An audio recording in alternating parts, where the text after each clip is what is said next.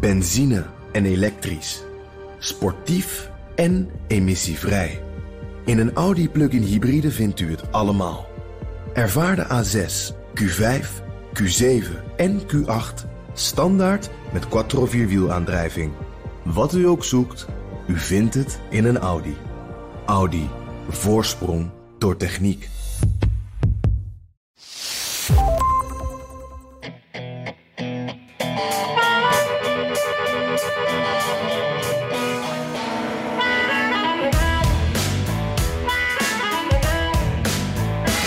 Zodra op 3 januari het nieuwe Huis van Afgevaardigden is geïnstalleerd, draait de nieuwe Republikeinse meerderheid onmiddellijk de 6 januari-commissie die de bestorming van het Capitool onderzoekt, de nek om.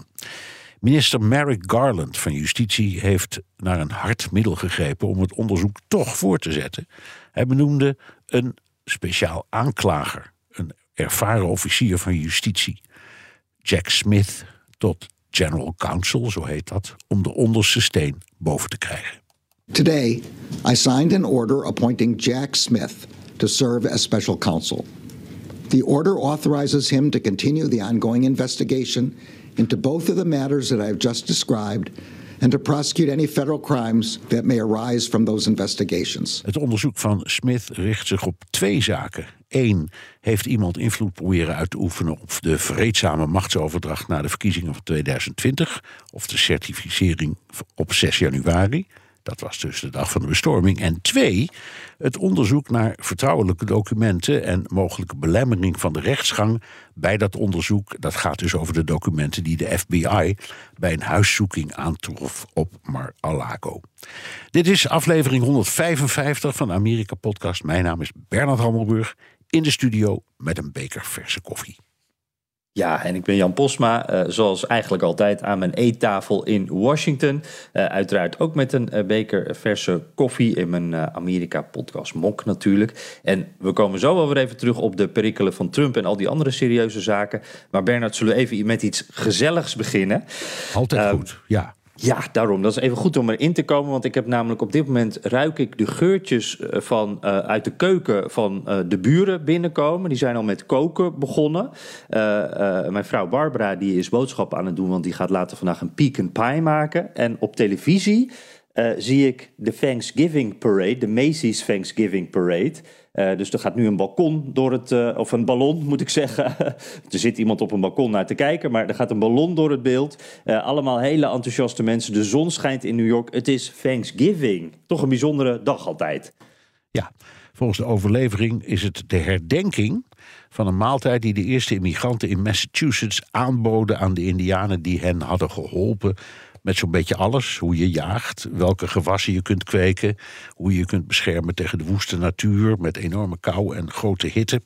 Dat verhaal klopt als je de historie bekijkt. Feitelijk niet helemaal, maar het klinkt geweldig en het is een mooi sprookje. Uh, en voor de Amerikanen is het ook heel belangrijk, vooral als je bedenkt dat dit immigranten waren die door de autochtonen werden opgevangen, zo kan je toch zeggen. En dat is een thema dat door de hele Amerikaanse geschiedenis is blijven spelen. Want het is, het is een immigratieland. Al kijken heel veel Amerikanen momenteel met andere ogen naar immigranten. dan de, de afgelopen eeuwen doorgaans het geval is geweest. Ja, ja, want die, die, die eerste pilgrims die werden uh, de, dus eigenlijk met open armen ontvangen volgens uh, dit sprookje, werden geholpen. En, en, nu is het toch allemaal wat minder uh, open armen. Ja. dit is wel bijzonder, hè? want dat sprookje dat is echt dat, dat is de ontstaansgeschiedenis van Amerika. Dit is echt zo'n verhaal wat elk kind, elke volwassene kent dit verhaal, heeft dat van jongs af aan meegekregen. En uh, je, komt het ook, je ziet er veel van terug in uh, ook, ook gewoon het huidige dagelijkse leven. het woord dinner bijvoorbeeld. Nou, wij hebben dan, diner is dat voor ons, s'avonds eten. maar daarmee hebben Amerikanen de, de hoofdmaaltijd en, en, het Thanksgiving dinner. En dat is dus iets wat smiddags is. Dat is niet per definitie s'avonds zoals we dat in Nederland zouden, zouden doen. En het is ook de dag waarmee het kerstseizoen wordt geopend. Dus die, die Macy's Thanksgiving Parade. Ik, ik even kijken of ik een klein stukje kan laten horen. We zien nu Smokey the Bear. Dat is zo'n uh, waarschuwende beer.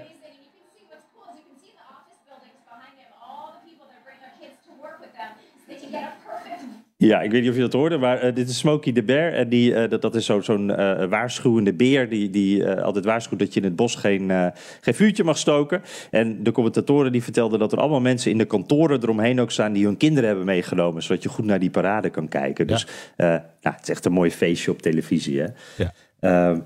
Maar goed, het, het is, uh, dat is dan weer gesponsord, ook door Macy's natuurlijk. En, en uh, je ziet ook echt constant in die uitzending, zelfs de sponsors worden nog gesponsord. Het is allemaal commercie, commercie moet ik zeggen. En, en dat is natuurlijk omdat Thanksgiving naast dat familiefeest ook het begin is van de kerstinkopen. de winkels staan al zwart van de mensen. En nou ja, daar komt die, die term ook vandaan, Black Friday. Ja, en er zijn uh, meer Amerikaanse bedenksels. Hè. Moederdag en Vaderdag, dat vergeten we wel, zijn Amerikaanse uitvindingen. En die zijn komen overwaaien naar de rest van de wereld, ook naar Nederland. Um, en Black Friday is ook een exportartikel geworden, Jan. In Nederland maken ze het echt heel bond. Ik, ik had het nog nooit eerder zo beseft. Volgens mij is het ook de eerste keer. Maar deze hele week heet Black Friday. Uh, wij, wij, nemen dit op op, uh, op donderdag uh, rond de, de, klok van half vijf s middags. Dus bij jou half elf s morgens in, in Amerika. maar gisteren was het Black Friday op woensdag en eergisteren op dinsdag ook enzovoort. En tot morgen. Dus het is dat, dat, dat is de, Nederland, de Nederlandse manier van. Als we het doen, doen we het goed waarschijnlijk. Hè? Ja, ja, ja, het is echt ongelooflijk. Hè? Want voor, voor mijn gevoel. Ehm, vijf jaar geleden of, of tien jaar geleden, toen deden we dat eigenlijk helemaal niet, die Black Friday sales, niet op die manier eh, in Nederland. En uh, ja, we nemen dus um, ja, eigenlijk alle aspecten daarvan over van de Amerikanen. Want op zich zo'n Black Friday is natuurlijk een, een, nou, een prima initiatief voor, uh, voor de winkeliers. Maar om er een hele week van te maken, dat doet me heel erg denken aan hoe het hier is. Want um, Black Friday begint vandaag dus op donderdag al op Amazon. Uh, en dan, dan op vrijdag dan, dan gaan uh, sommige winkels hier echt om vijf uur s ochtends open. Elektronica winkels bijvoorbeeld, waar, echt, uh, waar, waar, mensen met hun slaapzak voor de deur liggen dan... om die ene tv of die ene aanbieding binnen te halen. Wauw. Um, net, net, of, net als wanneer de nieuwe Apple uitkomt, hè? Ja, precies, precies. En dan zie je ook die, die plaatjes dus dat er zo'n bestorming is van als de deur open gaat. Uh, en, dan wil iedereen wil dat ene product hebben. Uh, het is niet overal meer bij elke winkel zo, maar daar zullen we het zo nog wel even over hebben. Maar uh, na vrijdag blijft dan het hele weekend blijven al die winkels ook nog open. Dan is het maandag Cyber Monday. dan komen alle online winkels in actie. Ik moet zeggen, die zijn inmiddels ook echt niet meer alleen maar op maandag met hun aanbiedingen. Dat is ook al een week gaande. Dus het, het, het, wordt hier inderdaad een week of langer nog. Het, blijft maar doorgaan. En ik ben wel verbaasd dat wij uh, nuchtere, zeg maar even tussen aanhalingstekens, Nederlanders dit dus allemaal zo overnemen, Bernard. Ja, nou ja, maar het is natuurlijk gewoon een heel ander aardig commercieel idee om mensen naar winkels te lokken. Want het, het, idee van Black Friday was het ziet zwart maar van de mensen in de winkels. En dat, mm. dat, dat beeld willen ze graag gebruiken. Uh, ook in Nederland. En het heeft natuurlijk ook te maken met de rottijd die we allemaal hebben gehad tijdens corona. En toen, toen toch hmm. hele grote periodes de middenstand ja, niet bereikbaar was. Winkels dicht, uh, ongezellig. Uh, vorig jaar was het natuurlijk een ontzettende afknapper voor mensen die zich verheugden. En nu is, is net als in Amerika hier ook weer alles open en het is feestelijk. En ik denk dat dat ook een grote rol speelt. Maar het is in, blijft in de eerste plaats een commercieel ding. Dat de, ja. de, de, de, de, titel Black Friday en dat dan uitsmeren over een hele week. Ik vind het geweldig.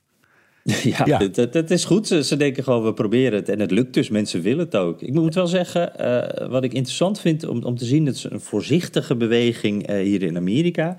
Dat sommige grote ketens zeggen van... wij doen even een stapje terug. Uh, dus op Thanksgiving is niet alles, uh, zijn niet alle winkels hier meer open. Dat, dat was altijd wel zo. Want ja. het zat dan ook eigenlijk in die grote, uh, nou ja, die grote Black Friday host. Uh, maar die zeggen nu van ja, ons personeel mag ook wel eens thuis zijn. Die mogen ook wel eens bij de familie zitten. Sommigen gaan ook wat eerder dicht op Thanksgiving zelf. Ehm, en op Black Friday, nou, die, die gestoorde openingstijden van vijf uur s ochtends, dat doet ook niet iedereen meer. En nou ja, dat, dat komt ook natuurlijk door het personeelstekort wat er nog steeds is. Uh, en ook omdat we steeds meer online gaan doen. Maar ik moet wel zeggen, ik, ik zie er wel een kleine tegenbeweging in. En dat is mooi denk ik voor het personeel. Want het is wel, nou ja, net als werken met kerst. Dat, dat doet natuurlijk ook liever, uh, doet, doet niemand nee, eigenlijk. Nee, maar ja, we zeggen de warenhuizen, die hebben als traditie dat ze gewoon altijd open zijn. Hmm. Dus, ja, uh, ook, ook op zondag. Dus dat is inderdaad, nou, revolutie. Ja, ja. ja precies. Ja, ja. Hey, en, en ook belangrijk, want Thanksgiving is natuurlijk uh, het moment dat je met de hele familie om de tafel gaat zitten. Dat, dan spreek je ook even uit waar je dankbaar voor bent. Uh, het is gezelligheid, het, het is een soort uh, ja, pre-kerstdiner eigenlijk. het is ook het moment om even in gesprek te gaan met de familie. En Joe Biden, uh, ja, ik, ik, kan wel raden waar dat gesprek over gaat daar. Want die moet natuurlijk met zijn familie in debat over de vraag... wat moet ik doen in 2024? Ben ik nog een keer kandidaat? Ja, ja dat is inderdaad. Joe Biden, vorige week 80 geworden, Jan. Hè? Tja. We hebben het andere. En je kunt het aan hem zien. En je kunt het aan hem horen. Want hij wordt een beetje stram en stijf. En hij verwisselt woorden. Uh, hij zei uh, een paar weken geleden dat hij naar Cambodja, dat hij, dat hij zou naar, Cambodja gaan, maar hij zei: Ik ga naar Colombia. Nou, dat is niet handig. Als hij wint, is hij 82. En als hij dat, de, de, de, zijn tweede termijn volmaakt, is hij 86. Dus ik, ik denk, ja, hij kan praten met zijn familie, maar dat kan hij toch niet serieus menen, Jan? Nee, ik moet zeggen, um, we hebben ook eerder natuurlijk, ik weet niet meer waar dat, wanneer dat was, of dat nou, nou ik denk eigenlijk al sinds de, de, de, de verkiezingen van twee jaar geleden dat we het hier al over hebben. Hè. En ik, ik, zie gewoon niet voor me dat uh, Joe Biden inderdaad voor de herverkiezing gaat. Gewoon die leeftijd. Uh, hij is natuurlijk voor, voor een 80-jarige. Uh, ik hoop dat ik zo ben als ik uh, 80 ben. hij heeft echt wel energie. hij is ook scherp. Dat zeggen mensen ook wel. Hè, van hij, hij, hij, is er echt nog helemaal bij. Hij kan dit ook gewoon nog. Maar je ziet in alles en, en je hoort ook aan alles dat dit niet een jonge, kwieke man is. En je wil natuurlijk iemand die in de kracht van zijn leven is. Die dit ja. ook met gemak aan kan. En als je straks met 82 het nog een keer gaat proberen, ja. Ja, en er gebeuren nu ik ook. Zie niet gebeuren. Ze gaan nu, misschien is het, leggen ze. Uh, kijken ze te, te, nauwkeurig of leggen ze op alle slakken zout. Maar bij, de, bij, de, bij COP27, die, die uh, uh, klimaatconferentie in Bali, daar, daar heeft hij een diner afgezegd met allerlei andere staatshoofden en grote methoden. en iedereen riep toen: ja, is nou gewoon te, dat kan hij niet meer aan, zoiets. Ik weet helemaal niet of dat waar is hoor. Uh, niemand weet waarom hij het heeft afgezegd. Vind ik ook stom. Ik had gewoon er iets bij verteld waardoor je denkt: oh, hij moet nog even een paar uur heel hard werken. Maar hij was er gewoon niet, ja. Uh, ja. Dat, dat voegt dan toe aan dat beeld van een, een, ja, een verzwakkende man. Uh, stram, stijf, ja. Dat, dat, is het een beetje, hè? door dat soort kleine dingetjes die misschien die, die voor een Obama niet erg waren geweest. Nu wordt daarop gelet en worden dat wel dingetjes in het grote verhaal. Ja, en als ik dan denk aan, uh, want het is niet alleen nog vier jaar dan het presidentschap, maar het is ook uh, een jaar lang keihard campagne voeren. En uh, de vorige campagne in 2020 was natuurlijk tijdens corona, wat, Biden toch wel wat goed uitkwam, denk ik. Dat hij ook niet keihard op campagne hoefde. Niet zoals Trump, die echt dag, drie, vier events op een dag doet. die man heeft een ongelofelijke energie en gaat gewoon door. Ik, ik zie dat Biden nog niet doen. En helemaal die combinatie, dat je dan uh, nou ja, in het derde jaar van je presidentschap zit. Dat is zwaar. Je gaat ook nog een jaar op campagne, dat is zwaar. En dan moet je je opladen voor de volgende vier jaar. Het, het lijkt mij een beetje too much. Ja, ja, ja. Nou, je had het al even over. Even naar die andere bejaarde, Jan. ja. uh, hoewel, Trump is vier jaar jonger. Uh, maar toch, hè. Het, is het verschil is enorm. Um, hoe dan ook. We hadden het aan het begin van de podcast al even over. Er komt een speciale raadsman. Vroeger heette dat een speciale aanklager. Uh, en die zet in feite het onderzoek van de 6 januari-commissie voort. Was er obstructie bij de machtsoverdracht? Wie heeft daaraan meegedaan? Wie is ervoor verantwoordelijk? Was dat misschien meneer Trump? Inclusief de bestorming van het kapitaal.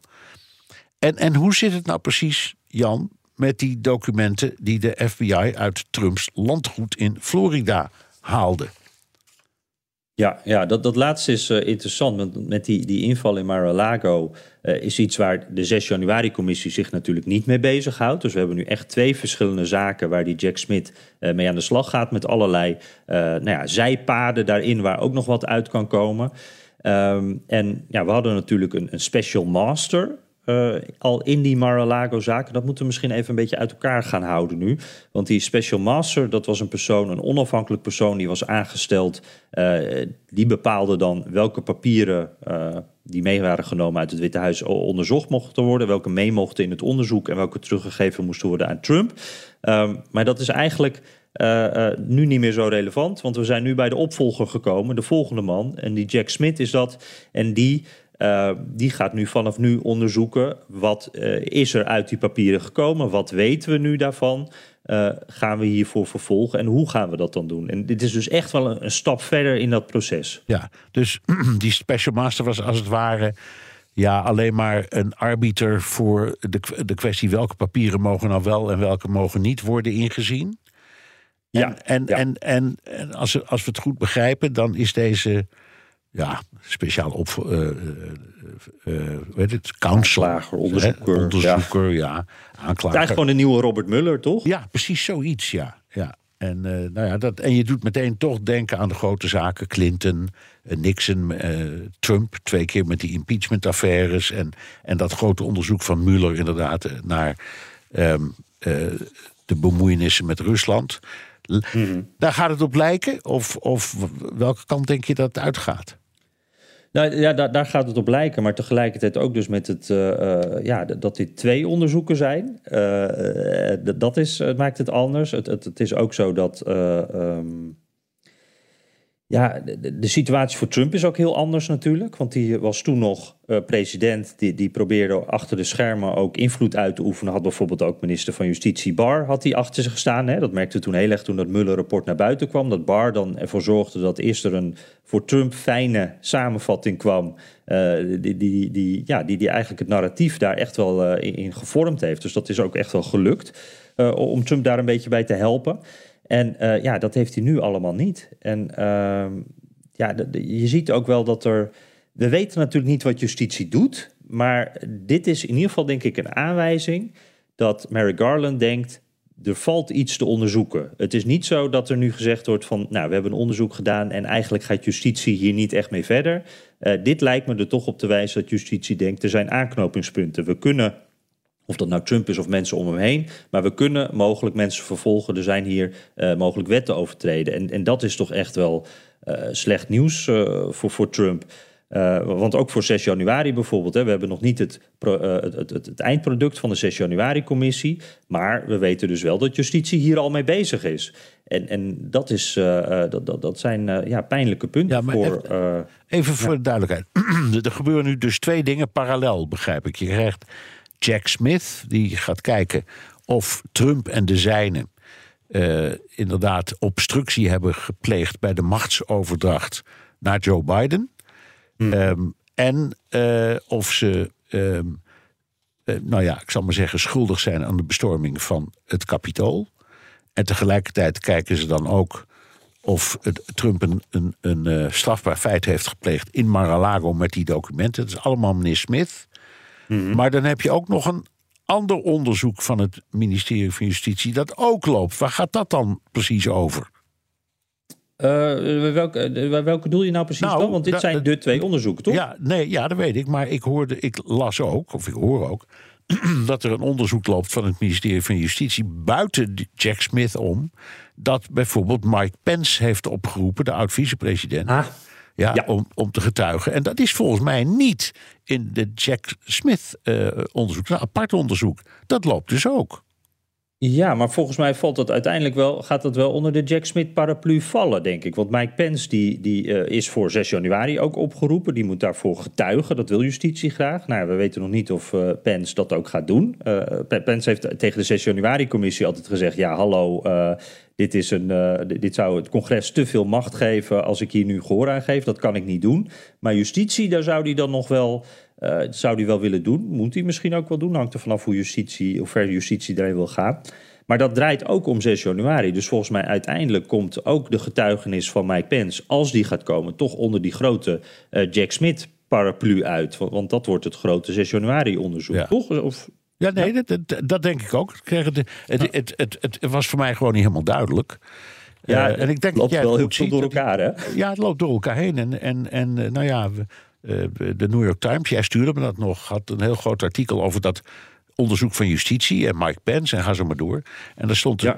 daar, daar, stond Jack Smith als een soort van, uh, nou ja, alineaatje apart bij. Dus, dus ik, ik begreep het gewoon niet. Maar goed, het zal wel één groot uh, onderzoek worden om, uh, ja, gewoon, ja. ze zitten gewoon achter Trump aan. Laten we het nou gewoon zeggen zoals ja, het is. precies. Daar komt het aan. En ik denk, als Mike Pence iets spannends zegt, dan krijgt Jack Smith dat te horen. En anders dan uh, blijft het erbij. Ja, ja, ja, Maar dan, dan, komt het uiteindelijk wel bij hem uit. Hey, en we noemden net ook al even die 6 januari-commissie. Hè? Uh, want dat loopt ook nog steeds door. We wachten op het eindrapport. Daar wordt nu achter de schermen heel hard aan gewerkt. En nu, nu zagen we uh, gisteren ook een interessant berichtje. Er is ook wat ruzie binnen die commissie. Hè? Daar moeten we het toch ook eventjes over hebben. Ja, ja. En, ze zijn woest, begrijp ik, op Lynn Cheney, de, de, onder, Liz, de, ja. de, de, de, vicevoorzitter. Liz Cheney, ja. sorry, de vicevoorzitter van uh, die commissie. Een van de twee republikeinen die in die commissie zat, of zit. Uh, en die daardoor haar herverkiezing in Wyoming heeft verloren. Maar waar zijn ze nou zo woest om? Wat doet ze nou fout? Want ik, vond, ik vind dat ze tot nu toe toch een beetje als heldin heeft opgesteld in die hele zaak. Ja, ja, alleen al het feit dat ze daar als republikein is gaan zitten en dat ze daar haar, eigenlijk haar eigen politieke carrière, in ieder geval op de korte termijn, enorm mee op het spel heeft gezet. Ze is niet herkozen nee. uh, doordat ze dit heeft gedaan. Daar is ze door, door afgestraft door de, de, haar kiezers in Wyoming. Uh, maar ik, ja, het was een heel interessant verhaal. Want uh, we hoorden dus steeds allemaal complimenten van democraten ook. Van ze doet het zo goed, wat fijn dat wij hebben. En nu was er kritiek. Want uh, ja, er lopen eigenlijk ook binnen dat die 6 januari commissie verschillende onderzoekjes. Eentje is heel erg gericht op Trump. Dus een ander team dat is meer gericht op wat hebben eigenlijk de congresleden gedaan die dag. En er is een team wat meer gericht op wat hebben die milities en die andere clubs die daar allemaal rondliepen. De Proud Boys. Uh, de Free Percenters, dat soort types, wat hebben die allemaal gedaan op die dag? Nou ja, die onderzoeken die, die overlappen elkaar ook allemaal nogal een beetje. En nu is de kritiek van de, sommige democratische medewerkers die zeggen van wacht eventjes, die Liz Cheney, die wil het alleen maar over Trump hebben. Het gaat alleen maar over de verantwoordelijkheid van Trump. Terwijl die andere teams ook heel veel opzienbarende dingen uh, hebben gevonden die ook in dat rapport moeten. En zij hebben dan als uh, verwijt daarbij, zij zeggen die Liz Cheney, die is nu bezig met haar vervolgstappen in haar politieke carrière. Dus die denkt niet wat is nu het beste voor deze commissie, wat is het beste voor de democratie. Liz Cheney denkt nu wat is het beste voor Liz Cheney. En dat is dat Trump flink op zijn nummer wordt gezet, want dat zou haar opstapje kunnen zijn naar haar eigen uh, kandidatuur voor het presidentschap. Want ja. misschien, hè, dan gaan we heel veel stappen vooruit, maar misschien gaan ze het in de voorverkiezingen wel tegen elkaar opnemen. En dat zou haar dan enorm kunnen helpen. Maar ja. ik, ik, Bernard, ik vond dat echt, want die, die commissie die is altijd erg eensgezind. Uh, ja, nooit van ruzie gehoord. Er wordt echt, de dingen die worden gelekt, die willen ze ook lekken. En nu was het ineens, hoorde je nou, de, de woordvoerder van Liz Cheney, die echt heel boos en hard reageerde. Dat er uh, delen in het rapport zouden hebben gestaan uh, die gewoon niet klopten of te mager waren. En dat ze echt niet zouden meewerken aan democraten die uh, alleen maar republikeinen zwart proberen te maken. Of republikeinen neer willen zetten als racisten of dat soort dingen. Dus eigenlijk zei die woordvoerder van Cheney, die democraten maken het veel te politiek. Die maken het meer een, een campagnemiddel. Ja, ja. ja, en nu is er dus ruzie. Ja, ja. Nou ja, uh, gelukkig kun je zeggen, Jack Smith neemt de hele zaak over. Dus, en die is duidelijk uh, aangetrokken omdat hij, nou, voor zover we kunnen zien, apolitiek is. Hij moet ervoor uit Den Haag komen trouwens. Want hij, ja. hij werkt bij het uh, internationale gerechtshof, ook als aanklager. Dus dat moet hij onderbreken. Maar het komt niet vaak voor dat ze een speciale aanklager uit Den Haag ontbieden, zou ik maar zeggen. Nee, nee, precies. Hey, en dan, en, en Bernard, ik, ja. tot slot nog eventjes, hè, want wat ik wel, want je zegt al inderdaad, hij is onafhankelijk. Hij wordt uit Den Haag gehaald, dus is echt iemand uit, uit niet uit de Washingtonse bubbel, echt van daarbuiten. Maar uh, nou hoor ik van republikeinen juist van, oh, dit is nou precies uh, wat die democraten altijd doen. Ze maken het juist politiek. En toen dacht ik bij mezelf, ja, dan kan je het ook niet goed doen eigenlijk. Hè? Want dit is een onafhankelijke aanklager, of, of onderzoeker, hoe je het wil noemen. En, en die krijgt nu ook al de kritiek dat het te politiek is. Ja, maar, ja. maar dan kijken we toch even naar wat de advocaat van Trump zegt. Want die noemt, zegt, ik, die, die noemt die hele gang van zaken, ehm, inclusief de benoeming van uh, Smith, uh, een schending van de scheiding der machten. Uh, hè, want ja, je kunt zeggen, de president is in zijn eentje de uitvoerende macht. Het, het, het, congres is de wetgevende macht. De rechtelijke macht staat daar los van, is de derde. Uh, en ik denk dan, ja, uh, er is misschien wel wat voor te zeggen voor dat argument. Want, want het benoemen van een speciale aanklager die gaat kijken wat de president heeft gedaan, maar ook misschien leden van het parlement. Ja, die steekt misschien dat, dat die heeft misschien dat geitenpaadje gevonden dat nou juist uh, die, die, die, die machten te veel bij elkaar brengt. Mm. Ja, en, het lastige wat ik daarbij ook altijd denk van Trump, die zegt altijd dat uh, zijn macht, nou ja, dat hij de, degene is die alle rechten heeft en de anderen niet. Die zegt ook altijd: het is een politieke witch hunt. Hè? Dat kennen we ook. Alles is een politieke witch hunt. Maar dit, ja, je kan het ook niet loszien van politiek. Het gaat natuurlijk om Trump en de dingen die hij, uh, nou ja, of hij wet heeft overtreden. Allemaal hele serieuze dingen. De, de democratie stond op het spel. Maar het blijft ook altijd politiek hebben. Dus ja, je, je kan het eigenlijk denk ik gewoon je, niet goed doen. Nee, nee dat, dat, dat klopt. Uh, je kunt het ook omdraaien en zeggen: als er zoveel verdenking is. en het is tot nu toe helemaal in handen van politici die daarover moeten oordelen. is het misschien verstandiger om het over te hevelen naar de rechterlijke macht. Want die zijn uh, niet politiek uh, en die doen alleen maar aan waarheidsvinding. Dus er is misschien op die manier ook wel iets voor te zeggen hoor. Dus ik, ik ja. denk dat dat ook het, de overweging is geweest van uh, de minister. Alleen, wat ik ook denk, is de, de, de timing is, is, wel heel curieus. Want die 6 januari-commissie die gaat bijna stoppen. Hè, gewoon omdat de, de termijn afloopt. Uh, en juist op dat moment zegt Garland: Nou, weet je wat, dan benoem ik een, een, een speciaal aanklager. Um, en die kan dat werk dan gewoon voortzetten. Dus die neemt als het ware het werk van die commissie over. En ja, ja, ik kan me voorstellen dat iemand, uh, een advocaat van Trump, zegt: ja, dat is puur politiek, joh. Dat is gewoon een truc. Ja. Zit er, zit. Dus eigenlijk het, het doet me heel erg denken aan uh, Trump, die uh, Durham, John Durham aanstelde om nog eventjes een onderzoekje te, te beginnen naar, wat was het ook weer, de, de, de, de ontstaansgeschiedenis van het Mueller-rapport en hoe dat tot, tot, tot stand was gekomen. Ja. Deed je ook even vlak van tevoren en dan loopt zo'n onderzoek nog maanden door. Ja. Um, hey, nog heel even. Um, ja. Trumpse belastingen. Ja, dat speelt Ja. ook, hè? Want, want hij, hij- die wil die. Die wil, die, eh, al, die wil al, al maar zijn, zijn belastingaangifte niet laten zien. En dat speelde al vanaf het moment dat hij met zijn eerste campagne begon. En toen zei hij: nee, dat, dat zou ik best willen, maar die, eh, ik, word, ik word op het ogenblik. eh, er is een, weet, een, een, een, eh, Een audit, Een een audit, ja. ja. Dus ik heb inspectie. Hè? En zolang die Ja. loopt, kan ik niks doen. En dat heeft hij jaren volgehouden. Ja. Dat er was inspectie en ja, nee, en dan mag je niks zeggen. Nee, nee, nee, die, die papieren wil ik best geven. En toen puntje bij paaltje komt, zei hij ja, maar ik weiger het. En, nu, nu, en daar is hij mee naar het Hoge Rechtshof gestapt. En dat zegt, ja, sorry, als die 6 januari-commissie daar om vraagt... eh, Dan, eh, dan, dan, ja, d- dat- dan kun je niet weigeren. Je moet ze gewoon geven, niet zeuren. Dit, dit was niet de 6 januari-commissie trouwens. Dit was eh, zo'n andere onderzoekscommissie. Ja, ja, oh, sorry. Ja, Dat even terzijde, ja. Ja, ja, goed. Maar goed, nou, het congres, dus het parlement, vraagt om documenten van een president of een oud-president. En aangezien het parlement het hoogste gezag is in een democratie, kun je dat niet weigeren. Dus je moet het gewoon doen. Dat, daar komt het op neer. Nou, dat is een ontzettende dreun voor Trump natuurlijk, want die heeft het Hoge Rechtshof naar zijn eigen idee volgestopt met maatjes die altijd achter hem staan. ja. En dat is toch niet Hij was waar? er ook boos over, hè? Ja. Dat, eh, hij had een eh, berichtje eh, op zijn eigen Twitter, hè, dat de Truth Social.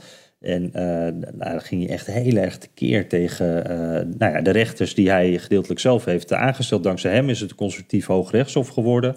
Eh, en en nou ja, het sluit eigenlijk aan wat, wat jij ook eerder zei, Bernard. Van dat, dat, ja, hoewel het nooit helemaal apolitiek is in dit land, dat hoogrechtshof, die rechters, die, die moeten eigenlijk apolitiek zijn op zo'n moment. maar Trump die zegt, ja, ik ben er niet eens over verbaasd. Het is nog nooit eerder voorgekomen dat je, dat hem, je zomaar je belastingaangiftes moet inleveren als president. Een terrible president for the future presidents. En dan begint hij over Joe Biden. Heeft hij wel belasting betaald over al het illegale geld wat hij via Hunter heeft verdiend? En ja, het zwaarste stukje is dan: de Supreme, pardon, the Supreme Court has lost its honor, prestige and standing and has become nothing more than a political body with our country paying the price. Zo. En dan zegt hij: They refuse to even look at the election hoax of 2020. Shame on them. Dus daarin komt alles samen, Bernard. Ja, ja, ja, ja. En hij blijft hameren op dezelfde dingen. Het is toch fantastisch. hey, Jan, Jan, nog even één andere bejaarde. Uh, ja. Nancy Pelosi. 82 jaar oud en ze stopt. Maar, uh, maar niet omdat ze niet meer kan, want ze is super fit. En uh, medewerkers beschrijven haar als een elegante vrouw die altijd op hoge hakken letterlijk voor de groep uitholt. Die barst van de energie. Um, dus ja, uh, uh, dat, als je dat vergelijkt bijvoorbeeld met de president van haar eigen partij, dan zie je toch wel een enorm contrast. Hè? Dan, dan pakt zij hem met haar 82 jaar compleet in. Absoluut, ja, ja, want dat beeld inderdaad op hoge hakken door, door, die, door de hal daar uh, in het congres, dat is echt hoe ik ook voor, me zie. En dan dat, dat geklik van die hakken erbij. En, en zij is, uh, ja, zij is echt een fenomeen. Hè? Je merkt echt wel dat bij Democraten dat, daar, dat dit echt wel een moment was. Dat zij afscheid nam Um, ze, ze, wilde natuurlijk eerst uh, haar district in San Francisco nog even winnen bij de afgelopen verkiezingen, zodat dat in ieder geval democratisch zou blijven. Nou ja, dat is behoorlijk democratisch daar, daar hè, dus dat is wel gelukt. En uh, ja, dit is dan een, een, logisch moment, want ze is geen uh, speaker meer straks, want de, de, Republikeinen die hebben de meerderheid. we hadden natuurlijk dat moment met Paul Pelosi, haar man, die, die een paar weken geleden zo vreselijk werd aangevallen. Oh ja. door, ja, door die man die op zoek was naar Nancy. Uh, die zei van, where's Nancy? Dus ja, ik, op dat punt, het is een heel logisch moment hè, voor haar om afscheid te nemen. Maar als je kijkt wat zij betekend heeft voor die democraten, haar leiderschap. Zij was volgens mij de eerste vrouw die een grote partij leidde in het congres. Uh, zij heeft Obamacare heeft ze door het congres geloodst. Echt, ik denk zonder haar was er geen Obamacare uh, geweest. Ik, in, in de uitzending uh, bij BNR heb ik ook een beetje gekscherend gezegd... ze hadden het ook Pelosi-care kunnen noemen... want zij heeft dat echt ja, ja. geregeld. En ook afgelopen jaren, al die grote dingen die Biden toch door, door het huis heeft gekregen... zij was degene met de minimale meerderheid die dat voor elkaar heeft gekregen. Enorme powerwoman, die Nancy Pelosi. En dat op die leeftijd. Ja, en uh, nou ja, goed, ze is dus de baan kwijt als uh, speaker. En ehm, Kevin McCarthy, ehm, de huidige fractieleider van de Republikeinen, die, die, die denkt buitensbinnen, dat word ik nu. Ja, en uh, daar is niet iedereen het mee eens. dat, uh, dat is wel weer interessant om te zien dan. Hè? Dat, uh, die Republikeinen zitten natuurlijk echt in een rare fase. Ze hebben die verkiezingen een beetje gewonnen, maar iets te veel een beetje. Ze hadden op meer gehoopt, dus iedereen is teleurgesteld. En, en daardoor is er toch wat in, interne wrijving. En je hebt natuurlijk constant dat, dat die rechtervleugel, die, die, die Freedom Caucus, de, de Trumpers, zeg maar, dat groepje uh, America First, uh, MAGA Republicans, uh, die, zich ook altijd roeren. En dat gebeurt hier nu ook weer. Die Kevin McCarthy, die probeert al, nou ja, die is van kinds af aan, is hier al mee bezig. Die wil de, de leider worden in het huis. Maar dat groepje, dat werkt dat op, dat op dit moment nog tegen. En er is wel, nou, ze hebben een soort voorselectie gedaan, uh, waarin hij eigenlijk uh, wel informeel is aangewezen als de, de, de, belangrijkste kandidaat. Maar er komt nog een grote stemming. En daarvoor heeft hij op dit moment nog niet het aantal stemmen wat hij nodig heeft. Dus dat wordt nog wel interessant. En, en wat je al ziet, uh, denk ik, uh, wat ik denk te zien, laat ik het zo zeggen, is dat daar wat uh, achter de schermen al wat onderhandeld wordt. Want we zagen bijvoorbeeld Marjorie Taylor Greene, dat hele bekende congreslid, hè, wat, wat we het ook vaak over hebben gehad, met extreme standpunten, die ook heel makkelijk herkozen is trouwens in haar district in Georgia. Georgia. Maar goed, die, die is dan op een bepaald moment bij Kevin McCarthy in het kantoortje en een dag daarna zegt zij ineens, ik steun Kevin McCarthy. En dan zag je deze week Kevin McCarthy eh, bij de grens staan, bij El Paso, de Mexicaanse grens. En die zegt, uh, wij gaan uh, de minister van Binnenlandse Veiligheid gaan wij proberen te impeachen. Er komt een onderzoek, we gaan het keihard tegen hem opnemen. En dat is nou net zo'n standpunt waar Marjorie Taylor Greene het al maanden, misschien wel jaren over heeft, dat die man impeached moet worden. Dus ik heb het idee dat daar al achter de schermen zo'n quid pro quo gaande is, waarbij bepaalde mensen worden binnengehaald door McCarthy. En nou, dan hoopt hij het dus toch te worden. Ja, maar uiteindelijk beslist het nieuwe congres, hè? Die, die, die kiest de speaker. Voor zover ja, ik precies. weet. Daarom heeft hij ook. En daarom is het ook nog best wel lastig. Ja, voor 3 McCarthy. januari pas, hè? Want dan. Ja. ja.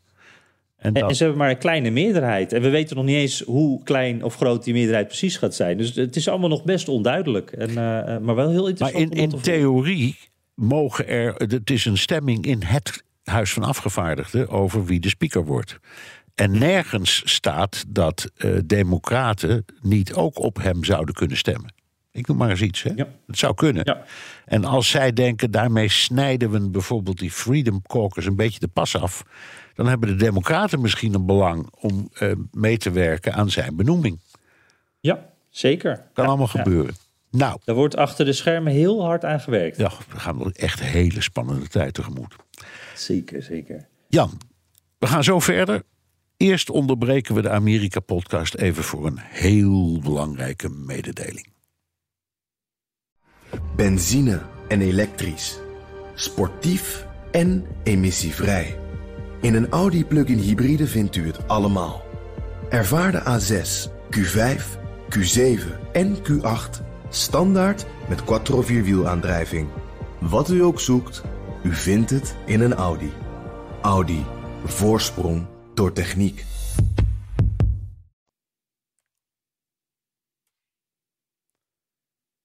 Jan, zullen we dan naar luisteraarsvragen gaan? Die zijn Ja. welkom via de mail of via de Amerika Podcast WhatsApp.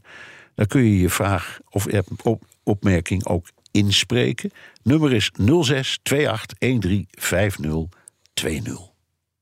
Ja, en eh, ondertussen komt hier eh, Ronald McDonald eh, do- door het beeldscherm zweven, Bernard. De, Ja. de, de Thanksgiving Parade is nog steeds bezig. Ja, dat is de, dat is de liefdadige afdeling van, van McDonald's. Hè? De kinders- ja, precies, kinders- precies. Ja, het is eh, mooi, mooi eh, met eh, hele... En Sesamstraat is er ook bij. Nou goed, Ehm, maar ja, ik ben alweer helemaal afgeleid, joh. Maar nog even over die voiceberichtjes. Hou ze binnen 30 seconden en hou ook de andere berichtjes een beetje beknopt. Hoeven wij niet te knippen, dat is altijd fijn.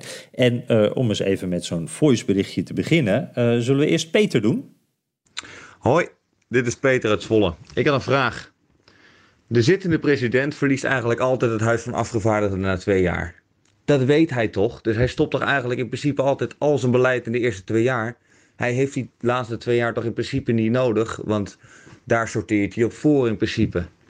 Groetjes. Ja. Ja. Nou, nou, historisch klopt het niet helemaal. Het is wel zo dat de zittende president meestal zetels in het Huis van Afgevaardigden verliest. Ik geloof niet dat de hele geschiedenis door een, de andere partij dan aan de macht kwam. Dat betwijfel ik. Maar het leidt inderdaad tot, altijd tot een terugslag. Ehm, en eh, er zit wel iets in. Je probeert de grote i- eh, binnenlandse plannen, de, begroting ehm, op lange termijn. Hè? Dus eh, de hele grote plannen, zoals heeft hij ook gedaan met dingen als eh, infrastructuur. ehm, de inflatiebestrijding, dat is, een, dat is een plan dat strekt zich uit over vele jaren. Dat, dat heeft hij inderdaad geprobeerd om die in die eerste twee jaar er doorheen te krijgen. En in eh, de tweede helft storten ze zich vaak iets meer. Daar heeft, hij ook, heeft, heeft Peter wel een beetje gelijk in. Storten ze zich vaak ietsje meer op buitenlandse kwesties. Dus het zal ons niet verbazen als, hij, als Biden zich bijvoorbeeld actiever gaat bezighouden met dingen als eh, de relatie met Rusland of de oorlog in, in Oekraïne. Dat zou best eens kunnen hoor. Maar het is, Ja, er, en- er is niks, er zijn geen regels. Maar eh, wat Peter inderdaad zegt, dat, dat is wel, eh, hij wordt ook een beetje ge- gedwongen eigenlijk om naar het buitenland te kijken, toch? Omdat vaak na twee jaar, en in dit geval dus ook, dan wordt het binnenlands wat moeilijker. Ja. Dus dan moet je ook, je moet wel wat eh, verder kijken. Ja, en bovendien hij heeft de steun van de Senaat. En de Senaat bemoeit zich traditioneel ook meer met kwesties die gaan over geopolitiek dan het huis. Dus het is, het is niet. Het is, nou ja, ik denk redelijk binnen de verwachting dat dat gebeurt. Ja, en, en nog even kort, want Peter zegt, eh, ja, dan doe je toch gewoon meer in eh, die eerste twee jaar. Dat is eigenlijk heel makkelijk. Maar ja, de, de tijd is op een bepaald moment op. Hè? Eh, als je ook kijkt, Biden heeft heel veel dingen gedaan, nog meer dingen geprobeerd.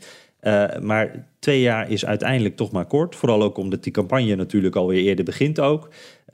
dus ja, de, de, de klok tikt door. En, en presidenten willen eigenlijk altijd meer dan dat ze tijd hebben, volgens mij, in de eerste twee jaar. Zeker.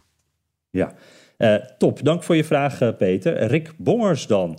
Uh, die luistert al sinds aflevering 40. Dus dat is ook een, een, mooi aantal, heeft hij inmiddels al achter, ja, achter de oortjes, kan je dat zo zeggen? Ja. mijn fascinatie voor dit bijzondere interessante land is enorm versterkt nadat ik in 2020 een exchange-periode in Philadelphia heb gedaan aan de Beasley School of Law van Temple University. Uh, op Twitter heb ik gezien dat Jan voor de midterms daar op de campus was. Hij filmde net mijn oude huis niet. Zonde. Uh, vraag 1. Het is geen typische bombastische Amerikaanse university campus, maar wat was jouw ervaring op deze campus op, uh, in uh, North Philly? Um, ja, ik was daar een paar weken geleden toen met die grote rally van Obama en John Fetterman en natuurlijk ook Biden was er ook bij. was in het lokale basketbalstadion daar.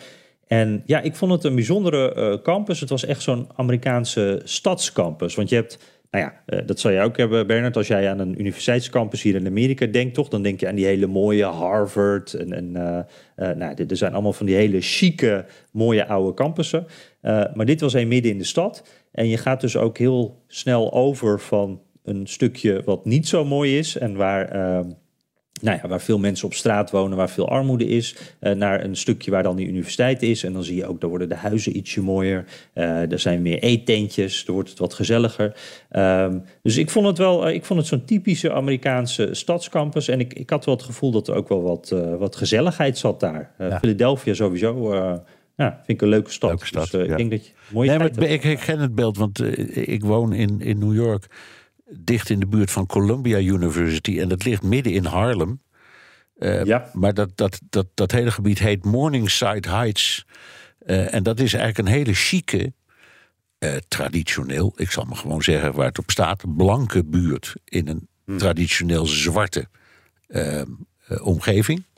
En daar heb je dus hetzelfde. Dat zijn ook allemaal prachtige, dure huizen. En die campus is ook schitterend.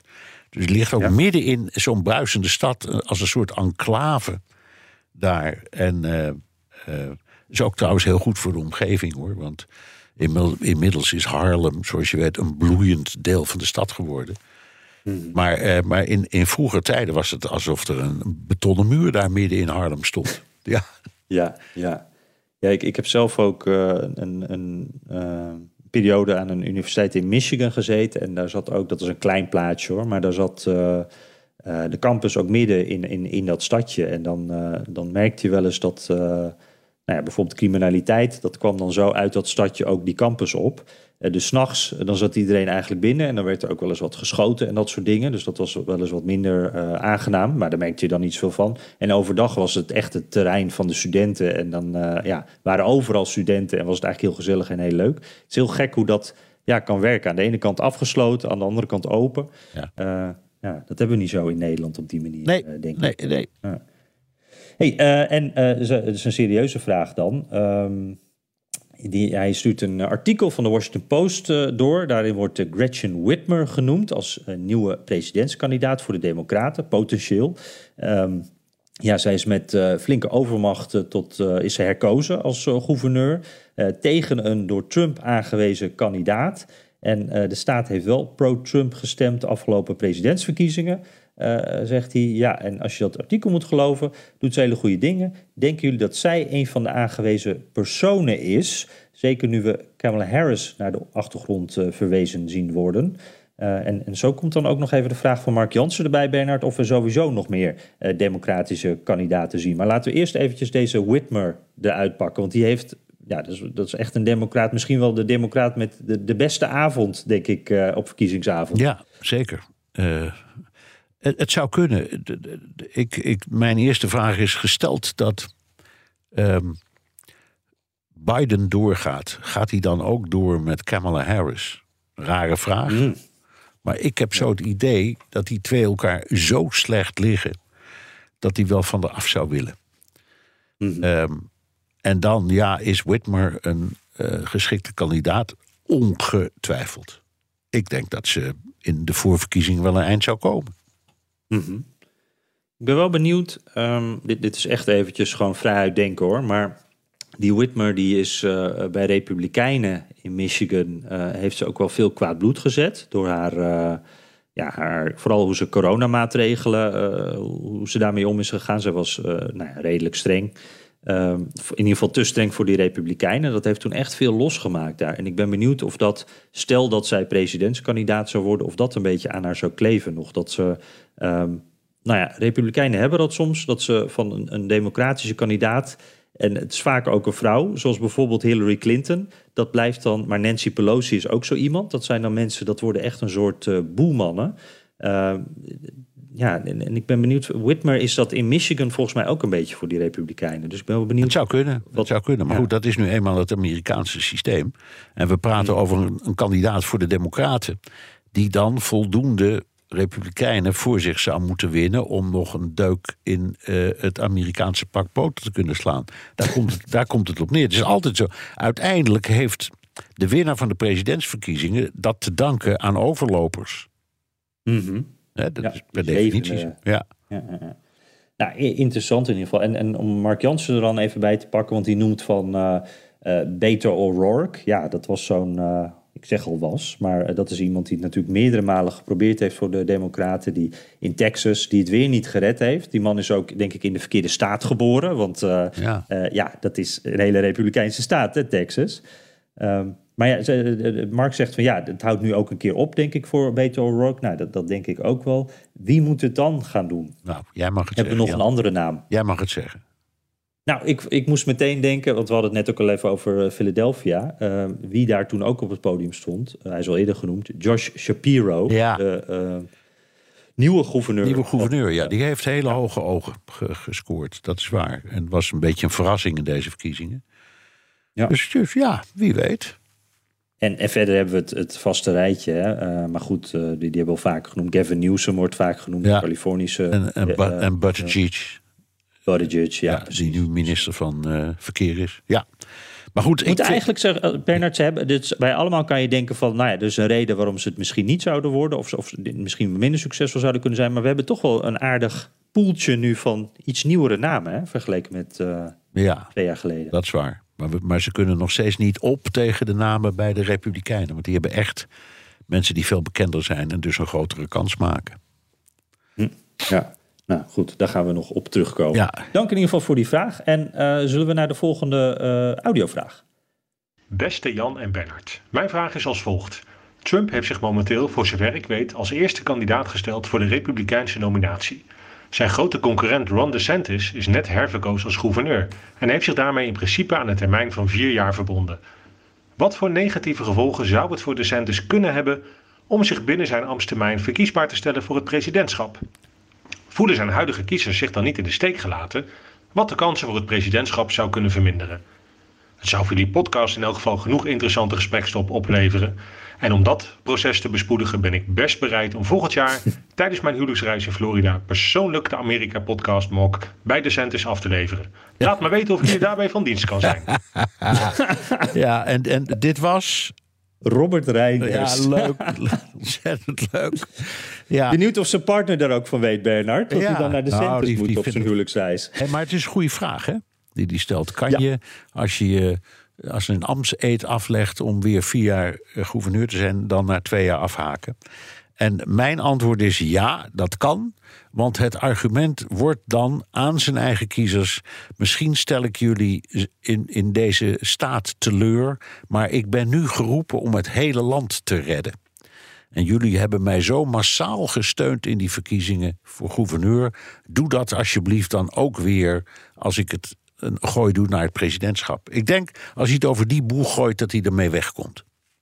Ja, en ook misschien omdat hij al een eerste termijn heeft volgemaakt natuurlijk. Want we noemden net wat mensen, maar eh, die, die Shapiro in eh, eh, Pennsylvania bijvoorbeeld, die, eh, eh, die is nog maar net gekozen. Dan wordt het wel een beetje pijnlijk als je Ook- meteen eh, weer verder gaat. Ook Maar, dat, ook ja. dat is waar. Ja. Maar goed, er is er één staat die die in elk geval zou winnen. En dat is Florida. Hè? Dat is een verkiezing. Dat denk ik, want hier speelt ook wel lokale trots dan mee. Hè? Dan heb je die partij ook, ja. Ja. Nou, is Florida geen slechte staat om achter je te hebben. dank in ieder geval voor deze vraag. En, en nou ja, voor, voor nu denk ik dat we je huwelijksreis, maar ook je huwelijksreis moeten laten zijn. En, en we willen het je niet aandoen om dan ook nog een politieke uh, of misschien wel diplomatieke missie daarvan te maken. Maar wel dank voor dat aanbod. Ja. Uh, Roderick Mees. Tijdens Trumps aankondiging van dinsdag zag je een andere, meer autocue volgende spreker. Minder improvisatie en dus minder vuurwerk en energie. Ik denk dat dit een bewust advies aan hem is geweest van zijn team. Dat is serieuzer, uh, meer de nadruk op wij in plaats van ik. Not my campaign, but our campaign. Uh, geen haat uh, naar rhino's of concurrenten binnen de partij. En niet langer terugblikken op 2020. Nou, een heel klein beetje zat het er wel in. Kortom, een andere Trump. Hoe zien jullie dit? En kan hij met dit nieuwe gezicht de gematigde republikein voor zich winnen? Um, nou, is dit een nieuw gezicht? Misschien moeten we daar eerst mee, nou, mee beginnen. Ja, nee, dat vond ik niet. Ik vond hem vooral een beetje slapjes. En uh, hij, hij, viel mij tegen. We hebben het er al eerder over gehad. Ik, ik vond hem dat gewoon... komt denk ik wel door die autocue inderdaad. Ja, dat, zou, het zou kunnen. En, en nou ja, iedereen die iets daarvan weet, die zegt altijd... hij is te ijdel voor een autocue. Want hij weigert om een leesbril op te zetten. En dat zou moeten. En daar staat, die, die, die autocue die staat dus met koeienletters. Dus daar, daar kan niet voldoende in dat schermpje.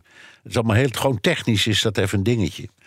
Uh, misschien dat het daar aan ligt. Misschien dat hij ook toch een beetje een terugslag had van de verkiezingsuitslag.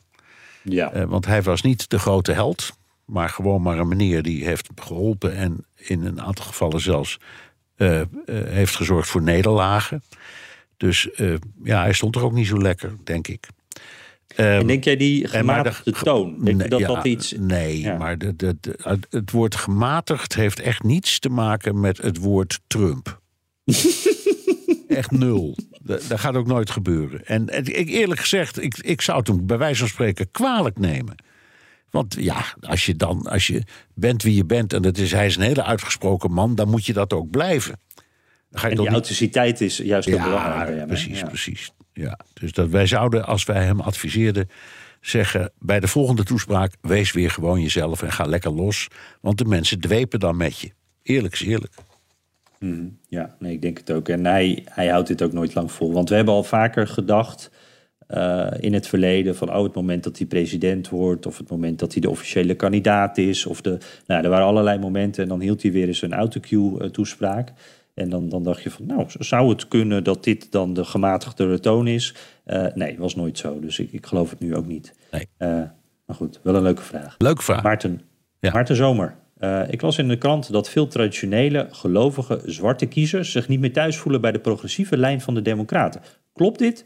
En zou bijvoorbeeld Tim Scott hier een rol in kunnen spelen in de verkiezingen van 2024? Dat is die senator uit South Carolina, volgens ja, mij. Een groot politiek talent. Ja, is ook wel. Um, ik weet het niet. Dat is het eerste wat ik zeg. Um, ik weet wel dat het een misverstand is om te denken dat, om het nou maar even simpel te houden, alle zwarten altijd op de Democratische Partij stemmen. Dat is niet zo, dat is ook nooit zo geweest. Dus er is altijd een, behoorlijk bestanddeel zwarte Amerikanen dat uh, republikeins is, voelt en erop stemt. Um, hoe het zit met de, met, met, met de geloofskwestie, dat weet ik eenvoudig niet. Um, omdat de meeste laten we zeggen, in, in, in zwarte religieuze kring is het toch vooral het baptisme dat daar de boventoon voert. Terwijl in witte religieuze kring het vooral de evangelische beweging is die daar de boventoon voert. Tenminste, de laatste jaren. Dus ik, hmm. ik heb er net te weinig kijk op, of te weinig verstand van, laat ik het zo zeggen, om daar echt een oordeel over uit te spreken. Ik, ik heb wel het gevoel, om er even op aan te sluiten, er zijn echt wel heel wat conservatieve, nou precies wat Maarten eigenlijk omschrijft, uh, conservatief gelovige uh, zwarte kiezers. En, en die zijn ook wel wat conservatiever als het gaat om het homohuwelijk of abortus. Zeker. Uh, die zijn er echt wel. Ja. Um, en en ik, ik, een tijdje geleden sprak ik met een, uh, nou ja goed, het is een beetje een zijverhaaltje, maar een abortusarts in, in Arkansas. Die vertelde dat hij in een heel gelovige gemeenschap was opgegroeid, een zwarte man trouwens. En hoe verstikkend dat was geweest en hoe daar absoluut niet over abortus of seksualiteit of wat dan ook gesproken kon worden, omdat dat gewoon echt, nou ja, heel fanatieke waren. Zo, zoals je ook onder blanke uh, fanatieke christenen hebt en onder Latino's. En allemaal met conservatieve standpunten. Dus ja, dat is er zeker wel. En ja, En, maar om nog even eraan toe te voegen, Bernard, want je zegt van joh, een, een zwarte Amerikaan stemt echt niet altijd democraat, maar een zwarte Amerikaan stemt ook niet altijd op een zwarte kandidaat. Nee. Dat, dat is hier ook wel belangrijk. Die Tim Scott is een zwarte kandidaat die het ook echt ver kan schoppen, maar het is niet zo dat elke zwarte Amerikaan dan denkt, hé, hey, die willen we dan president maken. Nee, en nog iets. Een gekozen zwarte politicus wordt niet door alle zwarte gewaardeerd. Dat zag je bijvoorbeeld bij Obama. Toen er uit zwarte kring heel veel klachten kwamen... dat hij helemaal niet voor hun... ehm, eh, voor het zwarte bevolkingsdeel opkwam. Ja, Ja, dus ook daar moet je... Dit, zijn, dit is allemaal gebaseerd op vooroordelen... en daar moeten we echt voorzichtig mee zijn. Mensen zijn mensen en ze kiezen... eh, vanuit hun eigen overtuiging op iemand in wie ze geloven, om wat voor reden dan ook. En dat, ik denk dat dat dwars door eh, de rassen heen gaat. Dank in ieder geval voor die vraag, Maarten. Trouwens, die, eh, het is wel leuk dat hij die Scott even noemt. Ik, ik- die man heeft echt de beste, eh, wat was dat ook alweer? Dat was zijn campagneslogan of zo bij zijn aankondiging voor, voor eh, senator volgens mij. Toen had hij ehm, From Cotton to Congress. Ja. Hij had hij dus zijn eigen afkomst. Nou, vond ik zo mooi. hoor. Prachtig. Ja. Dat alles in. Ja. Ja. Hey, eh, even kijken, we moeten ook weer een beetje afronden. ehm, want mijn koffie is in ieder geval op. Ja, ja, ja. Etenscheurtjes van de buren, Bernard. Poeh. Ibrahim Adai pakken we nog even mee. Ik hoop dat ik dat goed uitspreek, eh, Ibrahim. Ibrahim. Eh, ja, die, die wil het ook nog even kort over eh, Biden hebben. Hij zegt toch van ja, die man is inmiddels ouder dan mijn vader. Die wordt in februari 80, dus alvast gefeliciteerd. Ehm, en nou, de arts van Biden zegt hij is volledig gezond. Maar ja, wa- wat moeten we hier nou van denken? Hè? Is hij echt kerngezond, die Biden? Eh, en, en ja, is er ook wel twijfel over? Ja, ik- dit blijft een lastige. Hè? Want ja, nou, wij het, ant- het- artsen. het- het antwoord lijkt mij: hij is gezond, maar hij is ook heel oud. En met Ja. leeftijd komen dingetjes. Je loopt niet meer zo makkelijk. En, en ehm, eh, je, je, je ziet wat moeilijker. En je hoort wat slechter. Dan, daarmee ben je niet ziek. Hmm. Je bent nog steeds kerngezond. Dat zal hij wel zijn. Maar het is een oude man. We hebben het al eerder gehad. En je kunt zien aan hem. Zo simpel is het. Ja. Ja, precies. Dat is eigenlijk wel, als ik nu, zo over nadenk, die Republikeinen die, en Trump ook, die gooien het dan heel erg vaak op. Oh, die man is dement, die is er niet meer bij. Eh, dat is natuurlijk. Het zou veel slimmer zijn om beiden aan te vallen op wat jij nu net zegt. Van het is gewoon een oude man. En niet het zo te overdrijven en de dingen bij Precies, te precies. verzinnen die je niet kan Nee, en als hij niet zo makkelijk loopt, is hij niet dement. Dat heeft echt niks met elkaar te maken. Nee, precies, precies. Ja, oké. Eh, maar dat even een gedachte terzijde. Zo, ja, wat, even kijken hoor. Zo, nog, nog één audiovraagje, Bernard? Ja, leuk. Eh, van wie is die? Van wie is die? Linda de Roo is dit. Oké, komt die. Hallo, Linda de Roo hier. Ik luister nu al enige tijd met heel veel plezier naar jullie podcast. Vaak tijdens het hardlopen en ik vind het heel erg leuk. Dus mijn complimenten. Ehm, ik heb een vraag naar aanleiding van de podcast van vorige week. Jullie hadden het daar over de speech van Trump... waarin hij zich kandidaat stelde voor de volgende verkiezingen. En hij gaf daarin aan dat als hij nu president was... dat het veel beter zou gaan met het land... en dat ze geen last zouden hebben van bijvoorbeeld hoge inflatie... of hoge benzineprijzen. Maar ik vraag me af welk beleid Trump gevoerd zou hebben... om deze problemen te voorkomen. Deze worden toch mede bepaald door invloeden van buitenaf... zoals de oorlog in Oekraïne. Hoop dat jullie een antwoord hebben op mijn vraag. Dank je wel. Nou, ik zeg al meteen nee. Ik heb het antwoord in ieder geval niet helemaal. Maar wel een beetje. Want als Trump president zou zijn geweest... dan zou bijvoorbeeld dat inflatiebestrijdingsplan er niet eh, zijn gekomen. Trump had dat aan de vrije markt overgelaten. Met als gevolg dat de kloof groter zou zijn geweest, denk ik. Ehm, en nu, ja, er is heel veel discussie over. Sommige mensen zien dat plan als de redding van de Amerikaanse economie. En anderen zeggen: dit is de dood van de Amerikaanse economie. Of dat nu ook echt zo is, dat weten we niet. Want eh, dat, eh, eh, die inflatiebestrijding, dat plan van Biden, is aangenomen en wordt geïmplementeerd. Dus we kunnen het nu niet meer precies zien. En meer in het algemeen, alle, iedere kandidaat die be- belooft altijd een, een, eh, een dampende economie en vrede op aarde. En Trump is wat dat betreft net zo fout. Ja, net zoals alle anderen. Ja, precies. En, en wat mij ook opviel bij die speech ook weer, en, en dat doet Trump eigenlijk altijd. Hij zegt eigenlijk niet zozeer dit ga ik doen. Hij zegt van onder mij was dit nooit gebeurd. En dat doet hij nu ook. Hij zegt van uh, die oorlog in Rusland, uh, of uh, de oorlog in Oekraïne bedoel ik, dat was nooit gebeurd als ik president was. Dus hadden we niet met deze inflatie gezeten. ik had gezorgd, zonder concreet te worden, dat die inflatie er sowieso nooit was geweest. het is eigenlijk altijd een soort voorstelling van alle dingen die nu verkeerd gaan, als Trump er had gezeten, was niet gebeurd. Maar uh, hij geeft niet echt aan hoe hij een huidig probleem in de toekomst zou oplossen. Hij kijkt altijd terug. Ja. Dus, uh, ja. Dank uh, Linda voor deze vraag en succes met het hardlopen. Als je dit aan het luisteren bent, ongetwijfeld tijdens het hardlopen. Moeten we hem daarmee ook afronden, Bernard? Ja, deze laten we maar doen. Laten we maar doen. Ja. Terugluisteren kan via de BNR-site, Apple Podcast of Spotify. Heb je vragen, opmerkingen, kritiek of complimenten... dan kan dat ook met een tweet naar Jan Postma USA of BNR De Wereld... of heel ouderwets met een mailtje naar dewereld.bnr.nl. En je kunt je vraag ook inspreken of intikken op de Amerika Podcast WhatsApp 06 28 13 5020. Ja, en uh, welk platform je ook kiest, zet uh, behalve je naam ook je adres even in de tekst, want dan maak je kans op de inmiddels beroemde Amerika Podcast koffiebeker. En ik bedenk me nog even op de valreep uh, wat, uh, Bernard. Uh, bij deze bedanken we ook nog even al onze luisteraars, luisteraars die op ons gestemd hebben voor de Dutch Podcast Awards. wij zijn, nou, we zijn heel trots op dat we zijn genomineerd, maar we zijn het uiteindelijk niet geworden. het zijn onze conculega's van Boekenstein en de Wijk geworden. En nou ja, als je dan toch van een podcast moet verliezen, Bernard, dan maar van die. Hè, want dan maar van die, ja. En die is nu ook um, in alle, in alle peilingen, hoe dat heet, metingen, de nummer ja. één hè, in Nederland. Dus ja, precies. ook, ook dus, uh, petje af voor uh, uh, Boekenstein en de Wijk. En natuurlijk Hugo Reitsma, die dat presenteert. En, en, en onze eigen Michael Hoele, die heel veel meehelpt aan de productie. En dus ook mede winnaar was daarvan. Dus, dus we, we gunnen het ze van harte. En inderdaad, iedereen hartelijk dank. En tot volgende week. Tot volgende week.